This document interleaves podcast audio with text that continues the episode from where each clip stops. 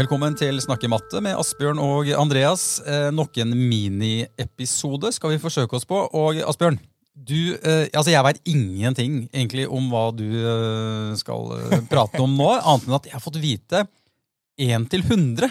Ja, Det er det du har sagt til meg. jeg har bare sagt at jeg- vi kaller det 1 til 100. Vi kaller det 1 til 100. Har ikke anelse om hva vi skal prate om, så nå er jeg veldig nysgjerrig på hva dette dreier seg om. Ja, du, Vi er liksom i, i verden hvor vi jobber med sammensatte regneuttrykk og regnerekkefølge. Og sånn. Og dette kan gjøres både liksom på slutten av mellomtrinnet, på 7. trinn, og det kan gjøres på, på, på 8. trinn.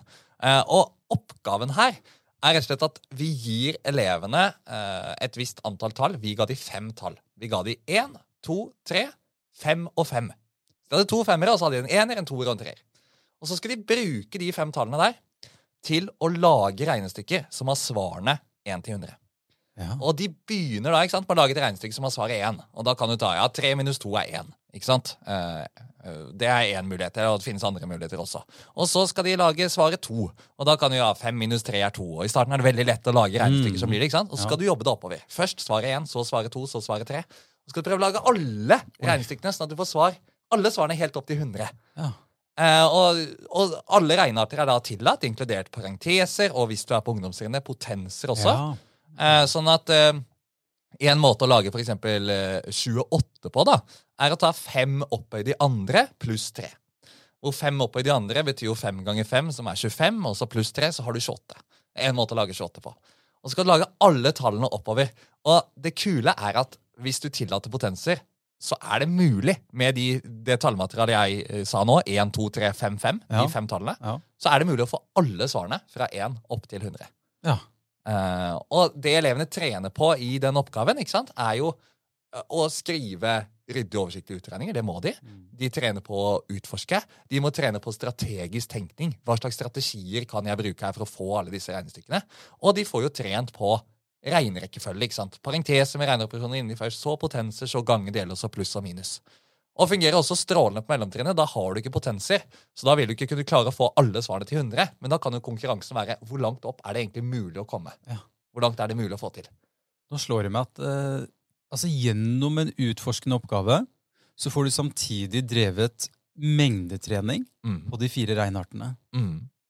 Noe som man kanskje gjerne gir i lekse, for eksempel, for å få litt mer mengdetrening, vanligvis. Mm. Eh, og det er greit nok, det. Mm. Men her har du liksom gjort alt i ett, føler jeg. Ja, og det er jo utrolig mye morsommere og Ja. engasjerende å prøve å få til alle regnestykkene fra 1 til 100 enn å bare få masse oppgaver man skal regne ut. Og ikke sant, Elevene må jo regne mye mer enn 100 regnestykker for å få det til. For de prøver seg jo på masse regnestykker som ikke går opp, Ja. som de ikke får riktig svar Mm, på. Ja. Ikke sant? Og så kan man begynne å, å snakke strategitenkning her. Hvis du har klart å lage et regnestykke som blir 25, hvordan kan du da lage regne, eh, s- med svar i nærheten av 25? Ikke sant? 5 i andre er 25, og så kan vi ta hvis vi tar minus 1 etterpå, så har vi 24. Hvis vi tar minus 2, så har vi 23. Så kan vi legge til en, så har vi 26. Og så kan vi legge til, så har vi ulike varianter. Mm. Og så er det jo et premiss her, da, og det er at hvert av de fem tallene vi begynte med, 1, 2, 3, 5 og 5, kan bare brukes én gang i hvert regnestykke. Så du har lov Ja. til å bruke to femmere, ikke sant? men du har bare lov til å bruke én toer. Mm. Så hvis du da tar eh, fem opphøyd i andre, så har du ikke lov til å ta minus to etterpå. Da har du allerede brukt opp toeren din. Ja. Men da må du lage to på en annen måte. da. For eksempel ta fem opphøyd i andre pluss eh, tre minus fem. Ja. Tre minus fem er minus to, og så har du laget en toer. Mm. Ja.